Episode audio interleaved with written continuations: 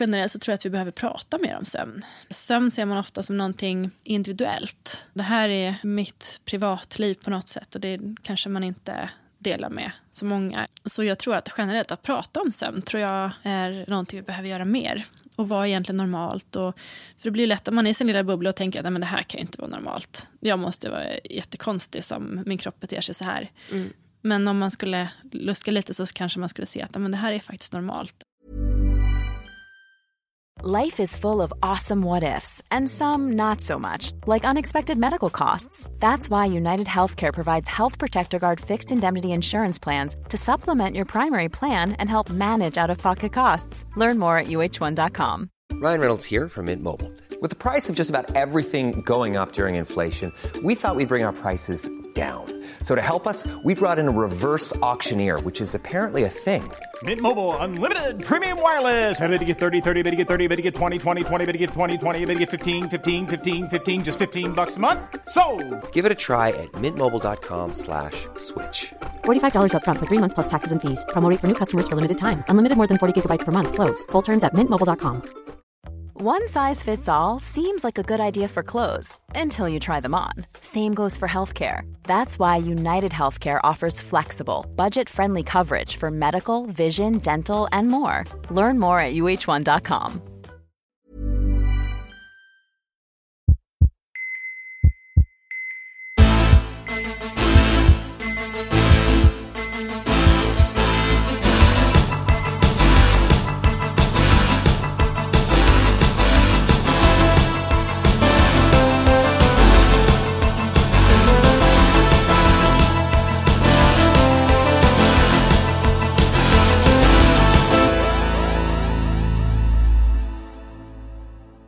Välkommen till Så lever du längre, Frida Rongtell, doktor i neurovetenskap och sömnexpert. Jag är nyfiken, hur kommer det sig att vi vet relativt lite om sömn fortfarande? Ja, och det är en jättebra fråga. Och många ser ju sömn som något lite så mystiskt. Och det gör jag också faktiskt. För det är ju så många frågetecken som vi har kvar. Och det är ju ganska märkligt att vi en gång varje dygn så går vi in i någon slags annat mentalt tillstånd där vi liksom kopplar ut det, den yttre världen och stänger av det att vi vet så pass lite om det. Alltså jag tror att en del i det är att det är svårt att studera sömn. För risken är när du försöker mäta sömnen att du väcker personen och då är det ju inte sömn du studerar längre utan då är det vakenhet. ja, det är lite, lite, lurigt. Det är lite lurigt. För ju mer liksom precisa mätmetoder som du har Oftast är det så att då har de kanske större risk att störa sömnen också om du har massa elektroder på huvudet till exempel. Mm. eller så. Mm. Då är det inte alltid jättelätt att sova så som man sover som vanligt. Mm. Och samma sak med att om du sover i ett labb så betyder inte det att det är samma sömn riktigt lika som du har när du sover hemma i din vanliga säng med din vanliga kudde och med ditt husdjur eller vad det kan vara. Så att sömnen är så lätt att påverka av yttre faktorer så att det blir lätt att det är svårt att veta vad mäter vi egentligen. Mm. Och sen är det också så att eftersom att vi då inte kan kommunicera på samma sätt när vi sover som när vi är vakna så är det inte så att jag kan berätta hur jag upplever det under ett visst sömnstadie till exempel eller hur upplever jag drömmen just när den händer eller så där. Så att jag kan inte berätta på samma sätt. Men sömnen är ändå någonting som vi alla berörs av på olika sätt och alla har en relation till sömnen så jag tror att det är något som fascinerar väldigt många. Ja, och på tal om fascinerande mytomspunna saker, det här med att drömma. Det är någonting som i princip alla gör, men vi vet inte så mycket om varför, mm. enligt vad jag har förstått i alla fall. Vad fyller drömmar för funktion egentligen? Ja, det är ju väldigt många som funderar över det. och det har vi liksom inget svar på. Det finns jättemånga olika teorier varför vi drömmer. Och vissa tänker att nej, men det är bara en biprodukt och det har ingen funktion överhuvudtaget. Jag tror att det är en biprodukt av de processer som sker i hjärnan under den perioden och avspeglar lite vad som händer just då. Och sen så är det ju inte alltid jättelätt att komma ihåg sina drömmar heller när man vaknar. Så frågan är om det är viktigt att man minns sin dröm för att det ska vara intressanta saker som har hänt under den här perioden. Sen så finns det ju andra som tänker att drömmarna i sig, alltså exakt det som du drömmer kanske är viktigt. Det finns ju vissa studier som pekar på att det du drömmer om, att om du till exempel har gjort någon typ av test och sen så testar du det på morgonen igen och om du har drömt på något sätt om det här så kan du prestera bättre dagen efter. Det verkar finnas någonting där som kan vara av intresse. Och, och det, sen finns det de som tänker också att det här är en slags simulerings... Alltså att du kan simulera olika händelser då utan att det blir farligt. För ofta så är drömmar ganska känslomässiga och det kan vara våldsamt eller, eller vad det kan vara. Och du kanske flyger eller sådana saker som du inte riktigt kan uppleva i verkliga livet när du är vaken. Och att det då skulle vara en slags simuleringstillfälle. Mm -hmm. Förbereda sig för vakenheten sen. Men också så kan man ju tänka sig att det är för att det inte ska bli för tråkigt att sova. Att du inte ska vakna för att du bara blir alldeles uttråkad. att du ska fortsätta sova. Det vore ju en rolig idé faktiskt. Mm. Det skulle vara så enkelt. Och sen så är det vissa som tänker att ja, men drömmen skapas egentligen i det tillfället när du vaknar. Att det här är något, en efterkonstruktion helt enkelt. Jaha. Och det är ju svårt att bevisa att det inte skulle vara så. Det finns vissa studier där de har sett, för vissa personer kan ju då när de är i en dröm att de kan bli medvetna om att de drömmer. Och vissa personer kan också sen styra sin, sin dröm. Och då har man gjort vissa försök där de har då fått lyckas signalera under drömmen, till exempel med blinkningar eller sådär. Och då tror man att det kan vara en kommunikation då, samtidigt som man drömmer. Oj, vad häftigt. Ja. Så det finns mycket att säga om drömmar, men det är väldigt ja. lite som vi egentligen vet. Alltså vad gör egentligen sömnen för oss? Det finns ganska många teorier kring varför vi sover. Så som det ser ut idag så har vi inte hittat en samlad, men det här är syftet med sömn. Utan det verkar finnas ganska många olika funktioner som vi har sett idag att sömnen är bra för. Och där kommer ju till exempel minnet och hjärnans funktion in. Men också då att hjärnan städas på olika sätt, under djupsömnen framförallt.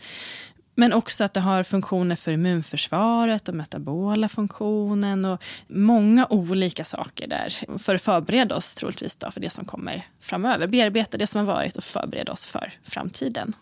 Varför är sömnen viktig för prestation då och hur man eh, mår under dagen? Ja, alltså man kan säga så här, vad är det som gör att vi presterar bra? För det första så behöver vi kanske vara friska. Och sömnen verkar spela roll för vårt immunförsvar på olika sätt. Man har till exempel sett att personer som har sovit ganska bra jämfört med personer som har sovit liksom för lite, de verkar vara lite olika motståndskraftiga mot om man utsätts för en, en vanlig förkylning, bland annat. Så att det verkar som att sömnen spelar roll för immunförsvaret. Men dessutom så är sömnen också viktig för det emotionella. Och det är också spelar roll för vår prestation och hur vi mår under dagen såklart. För hur vi mår psykiskt är ju en väldigt viktig del av vårt liv också. Och där kan man säga att sömnen verkar då bearbeta det som vi är med om under dagen och också påverka då hur vi känner och mår dagen efter. och så. Och till exempel så kan man säga att REM-sömnen verkar spela roll för just den här känslobearbetningen. Men sen så är det ju också så att alltså inlärning, att där spelar ju sömnen roll och mm. uppmärksamhet. Så om du lär dig någonting på kvällen och sen så sover du på saken och så ska du göra samma sak dagen efter. Så är det troligtvis bättre än om du har liksom haft vakenhetsperiod däremellan. Mm. Det är lite olika vilka typer av minnen då. Men generellt kan man säga att sova på saken är en bra grej. En bra grej. så om du ska plugga inför prov eller vad det kan vara, så plugga. Men sen behöver vi också ta ett kliv tillbaka och, vila och sova. Och mm. sen så kan vi köra, fortsätta dagen efter. För inlärningsprocessen det är ju ingenting som händer på en gång oftast om vi ska lära oss nya saker. Utan det tar ju tid att lära ja. sig något nytt. Mm. Och där är det många saker som spelar in. Bland annat då, träna, träna. Det behöver man ju göra. Men också vila och sova. Men sen så har vi också då smärtkänslighet. Har vi inte sovit ordentligt så är det större risk att vi känner mer smärta. Och också skaderisken kan öka om vi inte har sovit ordentligt. Så det är några exempel på vad sömnen kan göra för hur vi mår och presterar under dagen. Det är lätt att tro att när vi går och lägger oss så sover vi åtta timmar och det är det ungefär. Men så är det inte. Sömnen är inte enformig utan det händer ju massa saker under natten när vi sover. Så först när vi somnar så är vi ju i ett slags väldigt lätt sömn. Det är lätt att vakna precis när vi har somnat mm. och sådär. Och det tror jag många kan känna igen sig i att om det då kommer något ljud eller något sånt där då är det lätt att man hoppar till och vaknar till. Så, så det är väl det första sömnstadiet, stadie 1-sömnen som är den här riktiga lättsömnen kan man säga. Sen så går vi ofta in i stadie 2-sömnen och det är det vi har oftast mest av under en natt. Och stadie 2-sömnen, där har vi något som kallas för sömnspolar och K-komplex. Och de verkar vara kopplade till att stänga ute ljud och störningar utifrån bland annat. Då. Så både sömnspolar och K-komplex verkar liksom skydda sömnen och göra den djupare. Sömnspolarna verkar också ha en viktig roll för inlärning och minne till exempel. Mhm. Men sen så har vi då djupsömnen. Och där kan vi istället se, om man tittar på då hjärnans aktivitet, då blir det långsammare vågor och högre amplitud. Och mer liksom synkroniserat, så, så man kan se liksom höga vågor och så långsamt att det går så. Och djupsömnen, där tänker man sig att det här blir en slags återhämtning på vissa sätt. Bland annat också överför minnen från korttidslagringen till mer långsiktig inlagring. Eh, effekter för immunförsvaret och här städas ju hjärnan då från slaggprodukter och så vidare. Så djupsömnen verkar ha vissa väldigt bra funktioner för vår kropp. Men sen har vi också då REM-sömnen som är det fjärde sömnstadiet. Jag kan säga också att djupsömnen, då är det låg aktivitet i hjärnan om man tittar på hur aktiviteten är till exempel jämfört med vakenhet. Så. Men om du istället har REM-sömnen och tittar på hjärnans aktivitet, då är den nästan som vakenhet. Vilket är ganska fascinerande. Ja, verkligen. Mm. Förutom i mer så frontala delar, alltså där vi har mer det här logiska tänkandet och planering. Och, där har vi väldigt låg aktivitet fortfarande. Okej. Medan i känslocenter och med de här primitiva delarna, där har vi hög aktivitet. Jaha. Vad tänker man kring det?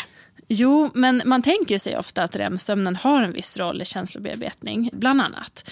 Och jag tänker också att det här kan avspegla lite för att REM-sömn, ofta när vi vaknar från det så har vi större benägenhet att minnas drömmar och de kan vara lite mer bisarra och så. Och drömmar är ju ofta ganska känslosamma och inte kanske så mycket planering och strategiskt tänkande. Verkligen inte. Nej. Och att det kan då avspeglas i den upplevelsen som vi har under natten, ungefär det som händer i hjärnan.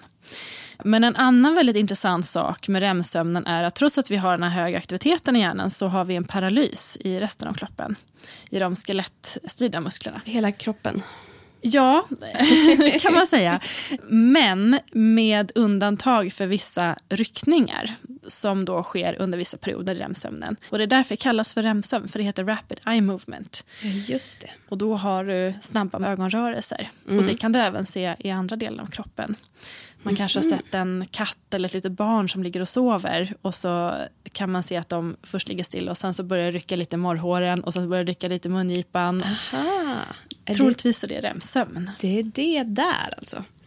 Att vara paralyserad kan ju inte vara ett eh, vad ska man säga, gynnsamt tillstånd generellt. Varför i hela friden? Vad, Det är en bra fråga. vad handlar det om? Ja, sen så verkar också REM-sömnen spela viss roll för motorisk kontroll och utveckling och inlärning och sådär. Man kan ju tänka sig att muskelryckningarna bland annat kan ha med det att göra. Men också att du vill ju inte leva ut drömmarna när du är i ett sovande tillstånd. Det, och det är springa runt. Ja, Det kan bli ganska farligt. det kan bli väldigt farligt. Ja. Så att ur ett evolutionärt perspektiv på det sättet så är det nog gynnsamt att vara paralyserad snarare än att inte vara det. Det finns ju också vissa sjukdomar där du inte har den paralysen på samma sätt. Och då kan ju det bli till fara. Att du kanske kan skada dig själv eller för att du går in i någonting. Eh, så att det är nog ganska bra. Men sen kan det också vara så att när du håller på och vaknar att du delvis vaknar men fortfarande är paralyserad. Och det här är ju något som är ganska fascinerande men kan säkert upplevas väldigt, väldigt läskigt. Det kallas för sömnparalys. Du kan se rummet kanske, men att det känns annorlunda. Du kanske ser någon varelse eller figur eller någonting. Du kan inte röra dig, du kan inte skrika troligtvis. Det låter Ehm, inte så trevligt alls. Kanske känner ett tryck på bröstet som att det är någon som sitter där. Liksom. Ja, Och det låter ju jätteläskigt. verkligen. Och har säkert varit bidragit till vissa tankar kring kanske häxor eller aliens eller vad det kan vara. Ja, det är lite den berättelsen som brukar kunna vara då. Typ Mm. Man vaknade och såg sin döda gammelfarmor eller en utomjording eller vad det nu är för någonting. Det låter ju likt de historierna. Mm. Och det vi ska komma ihåg om jag ser till sömnen som helhet är att det är inte så att det här sker lite huller om buller utan det finns ju ett visst mönster som det här sker i under natten. Ofta går det som sagt från lätt sömn till tvåsömn och sen djupsömn och sen så kanske du har en lite, lite REM-sömn i början på natten men sen så börjar det här cykeln lite om så då kanske du kommer in det tvåsömn och så djupsömn och så REM-sömn. Så att du har liksom cykler under natten som de här fluktuerar i. Och ju tidigare under natten desto mer djupsömn, desto senare under natten desto desto mindre djupsömn men desto mer REM-sömn. Och det verkar som att de här sömnstadierna de är liksom viktiga på olika sätt. De kompletterar varandra. Om man tänker kreativitet till exempel så kanske det är så att ja, men djupsömnen den stabiliserar minnena som ska vara kvar och kanske rensar bort lite det andra som vi, vi kan ju inte minnas allting. Medan sen så kommer ju REM-sömnen efter i den ordningen och då kanske det är mer det här, vad kan det här minnet passa in i tidigare minnen och den här kreativa delen så. Så troligtvis så kompletterar varandra. Hi, I'm Daniel, founder of Pretty Litter. Did you know cats tend to hide symptoms of sickness and pain? I learned this the hard way after losing my cat, Gingy. So I created Pretty Litter, a health monitoring litter that helps detect early signs of illness by changing colors, saving you money and potentially your cat's life. Pretty Litter is veterinarian developed, and it's the easiest way to keep tabs on your fur baby's health right at home. Go to prettylitter.com and use code ACAST for 20% off your first order and a free cat toy. Terms and conditions apply. See site for details. Hold up. What was that? Boring. No flavor. That was as bad as those leftovers you ate all week. Kiki Palmer here, and it's time to say hello to something fresh and guilt-free. Hello Fresh. Jazz up dinner with pecan-crusted chicken or garlic butter shrimp scampi. Now that's music to my mouth. Hello Fresh. Let's get this dinner party started. Discover all the delicious possibilities at hellofresh.com. Hey, it's Ryan Reynolds, and I'm here with Keith, co star of my upcoming film, If, only in theaters, May 17th. Do you want to tell people the big news? All right, I'll do it. Sign up now and you'll get unlimited for $15 a month in six months of Paramount Plus Essential Plan on us. Mintmobile.com slash switch. Upfront payment of $45 equivalent to $15 per month. Unlimited over 40 gigabytes per month. Face lower speeds. Videos at 480p. Active Mint customers by 531.24 get six months of Paramount Plus Essential Plan. Auto renews after six months. Offer ends May 31st, 2024. Separate Paramount Plus registration required. Terms and conditions apply if rated PG. Quality sleep is essential. That's why the Sleep Number Smart Bed is designed for your ever evolving sleep needs. Need a bed that's firmer or softer on either side? Helps you sleep at a comfortable temperature? Sleep Number Smart Beds let you individualize your comfort so you sleep better together. JD Power ranks Sleep Number number 1 in customer satisfaction with mattresses purchased in-store. And now, save 50% on the Sleep Number limited edition Smart Bed for a limited time. For JD Power 2023 award information, visit jdpower.com/awards. Only at a Sleep Number store or sleepnumber.com. Wow. Nice. Yeah. What you're hearing are the sounds of people everywhere putting on Bombas socks, underwear, and t-shirts made from absurdly soft materials that feel like plush clouds. Yeah, that plush. And the best part? For every item you purchase, Bombas donates another to someone facing homelessness. Bombas. Big comfort for everyone. Go to bombas.com slash ACAST and use code ACAST for 20% off your first purchase. That's bombas.com slash ACAST. Code ACAST.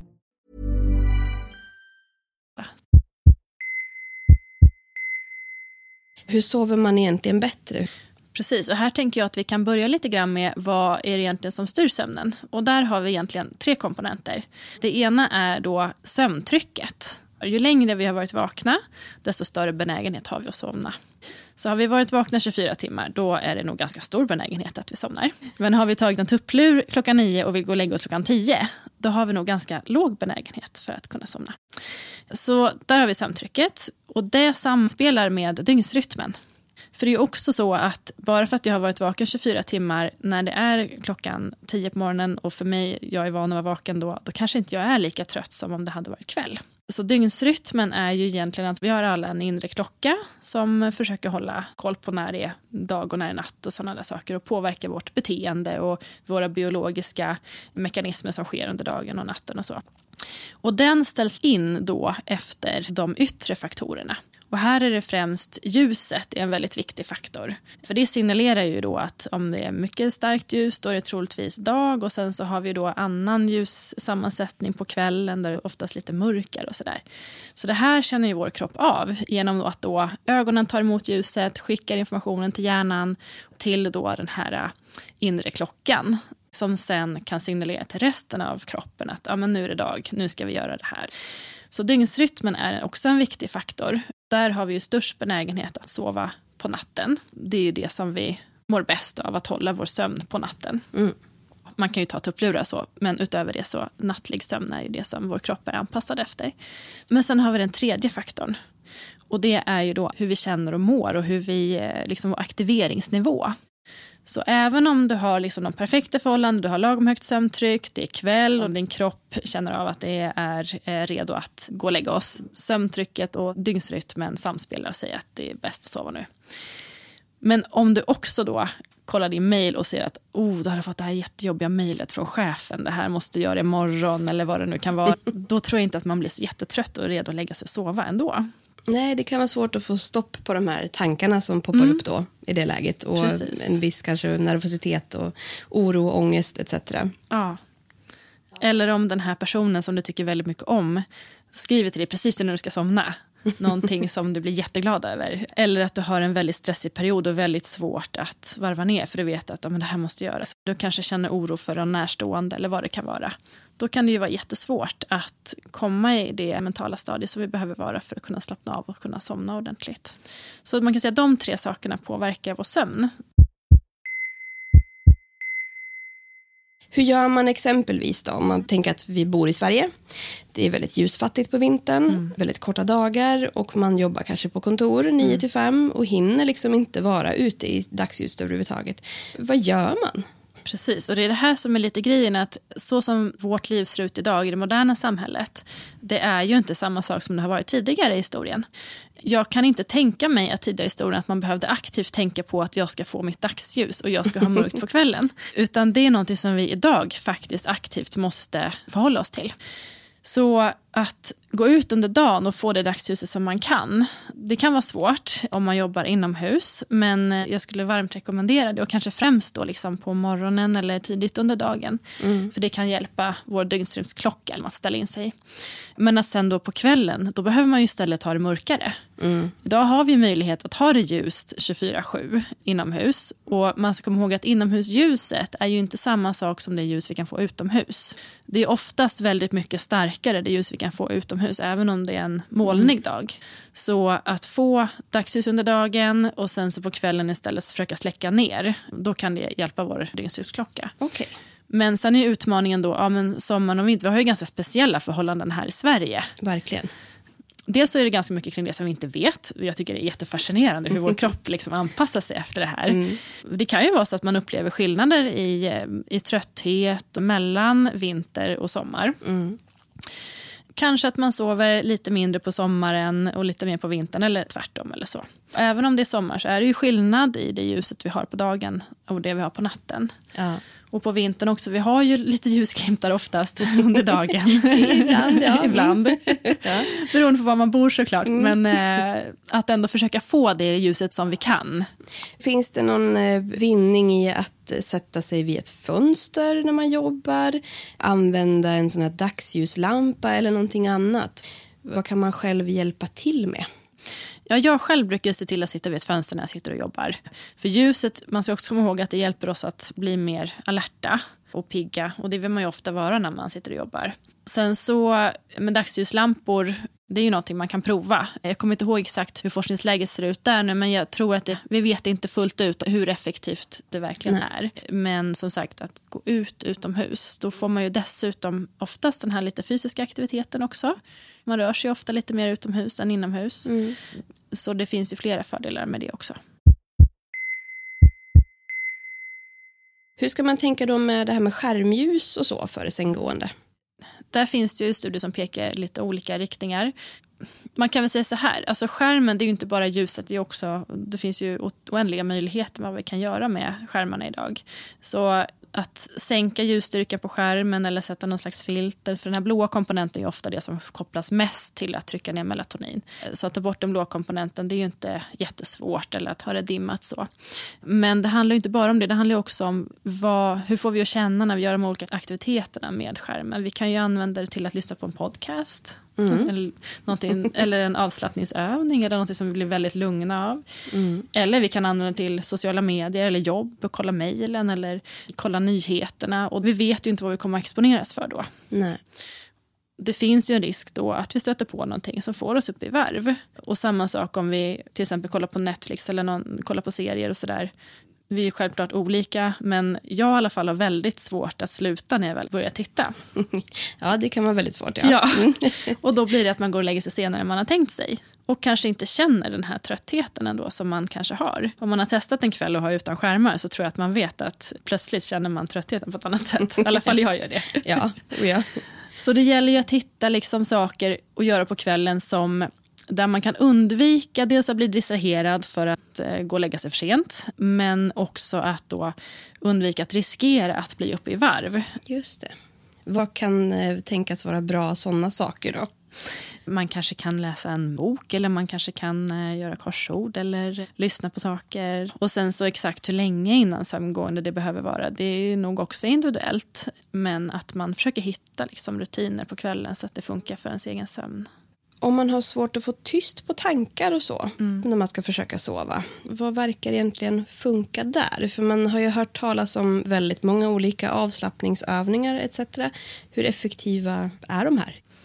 Ja, alltså få tyst på tankar, det kan ju vara väldigt svårt. Och det hjälper ju inte heller att bara försöka stänga av och pusha bort dem. Det kan ju komma tillbaka ännu starkare och kanske till och med komma tillbaka i, i drömmarna sen. Så det är inte effektivt. Det handlar ju om att hitta sätt att dels kunna bearbeta det vi har varit med om under dagen och det som vi tror att vi kommer vara med om kommande dagar och så. Och jag tror att där är något som det är väldigt lätt att missa. Att vi liksom kör på under dagarna. Har vi egentligen någon tyst stund? Har vi någon tid för reflektion under dagen eller tidigare under kvällen? Och när du sen släcker för att, att sova på kvällen. Det är den enda stunden på dagen vi har när vi har tid att, att landa. Då tror jag att det är lätt att tankarna liksom kommer och att de flyger. Nu har inte jag några vetenskapliga, jag har inte sett några vetenskapliga studier på det, men, men så tänker jag kring det. Att Om vi försöker hitta tid under dagen till eftertanke, till tystnad, när vi inte lyssnar på saker och när vi liksom inte tittar på någonting eller så, utan vi låter tystnaden vara. Och kanske också mindfulness om man, eh, om man gillar det. Man kan ju skriva ner sina tankar. Vad är det som oroar mig? Vad tror jag kan oroa mig vid sänggåendet? Kan man skriva ner en lösning på det? Det behöver inte vara en lösning, men en actionplan eller vad det kan vara. Att, oh, men okej, det här ska jag göra åt det. Och då sen när man väl ligger i sängen och tankarna kommer så kan man ändå tänka att okej, men jag har redan hittat en lösning på det här. Eller jag, har, jag vet att det här är nästa steg och det Ja. kan inte jag göra nu. Nu är inte rätt läge för nu är jag trött. Då, Det är bättre att jag gör det imorgon. Tack så mycket, Frida Rongtell. Tack själv, det var jättekul att vara med. Och i avsnittet som släpps på torsdag svarar professor Bertil på lyssnarfrågor och ger några extra tips. För att inte missa det, prenumerera i din poddapp.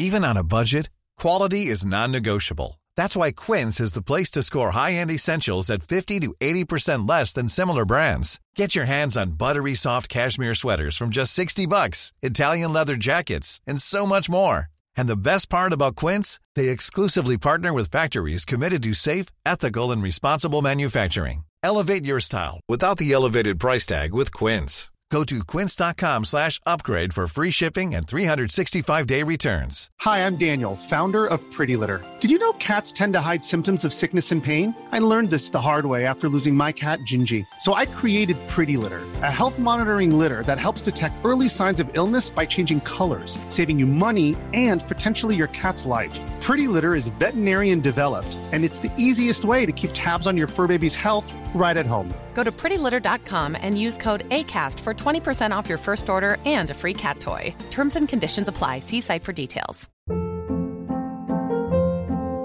Hold up. What was that? Boring. No flavor. That was as bad as those leftovers you ate all week. Kiki Palmer here, and it's time to say hello to something fresh and guilt-free. Hello Fresh. Jazz up dinner with pecan-crusted chicken or garlic butter shrimp scampi. Now that's music to my mouth. Hello Fresh. Let's get this dinner party started. Discover all the delicious possibilities at hellofresh.com.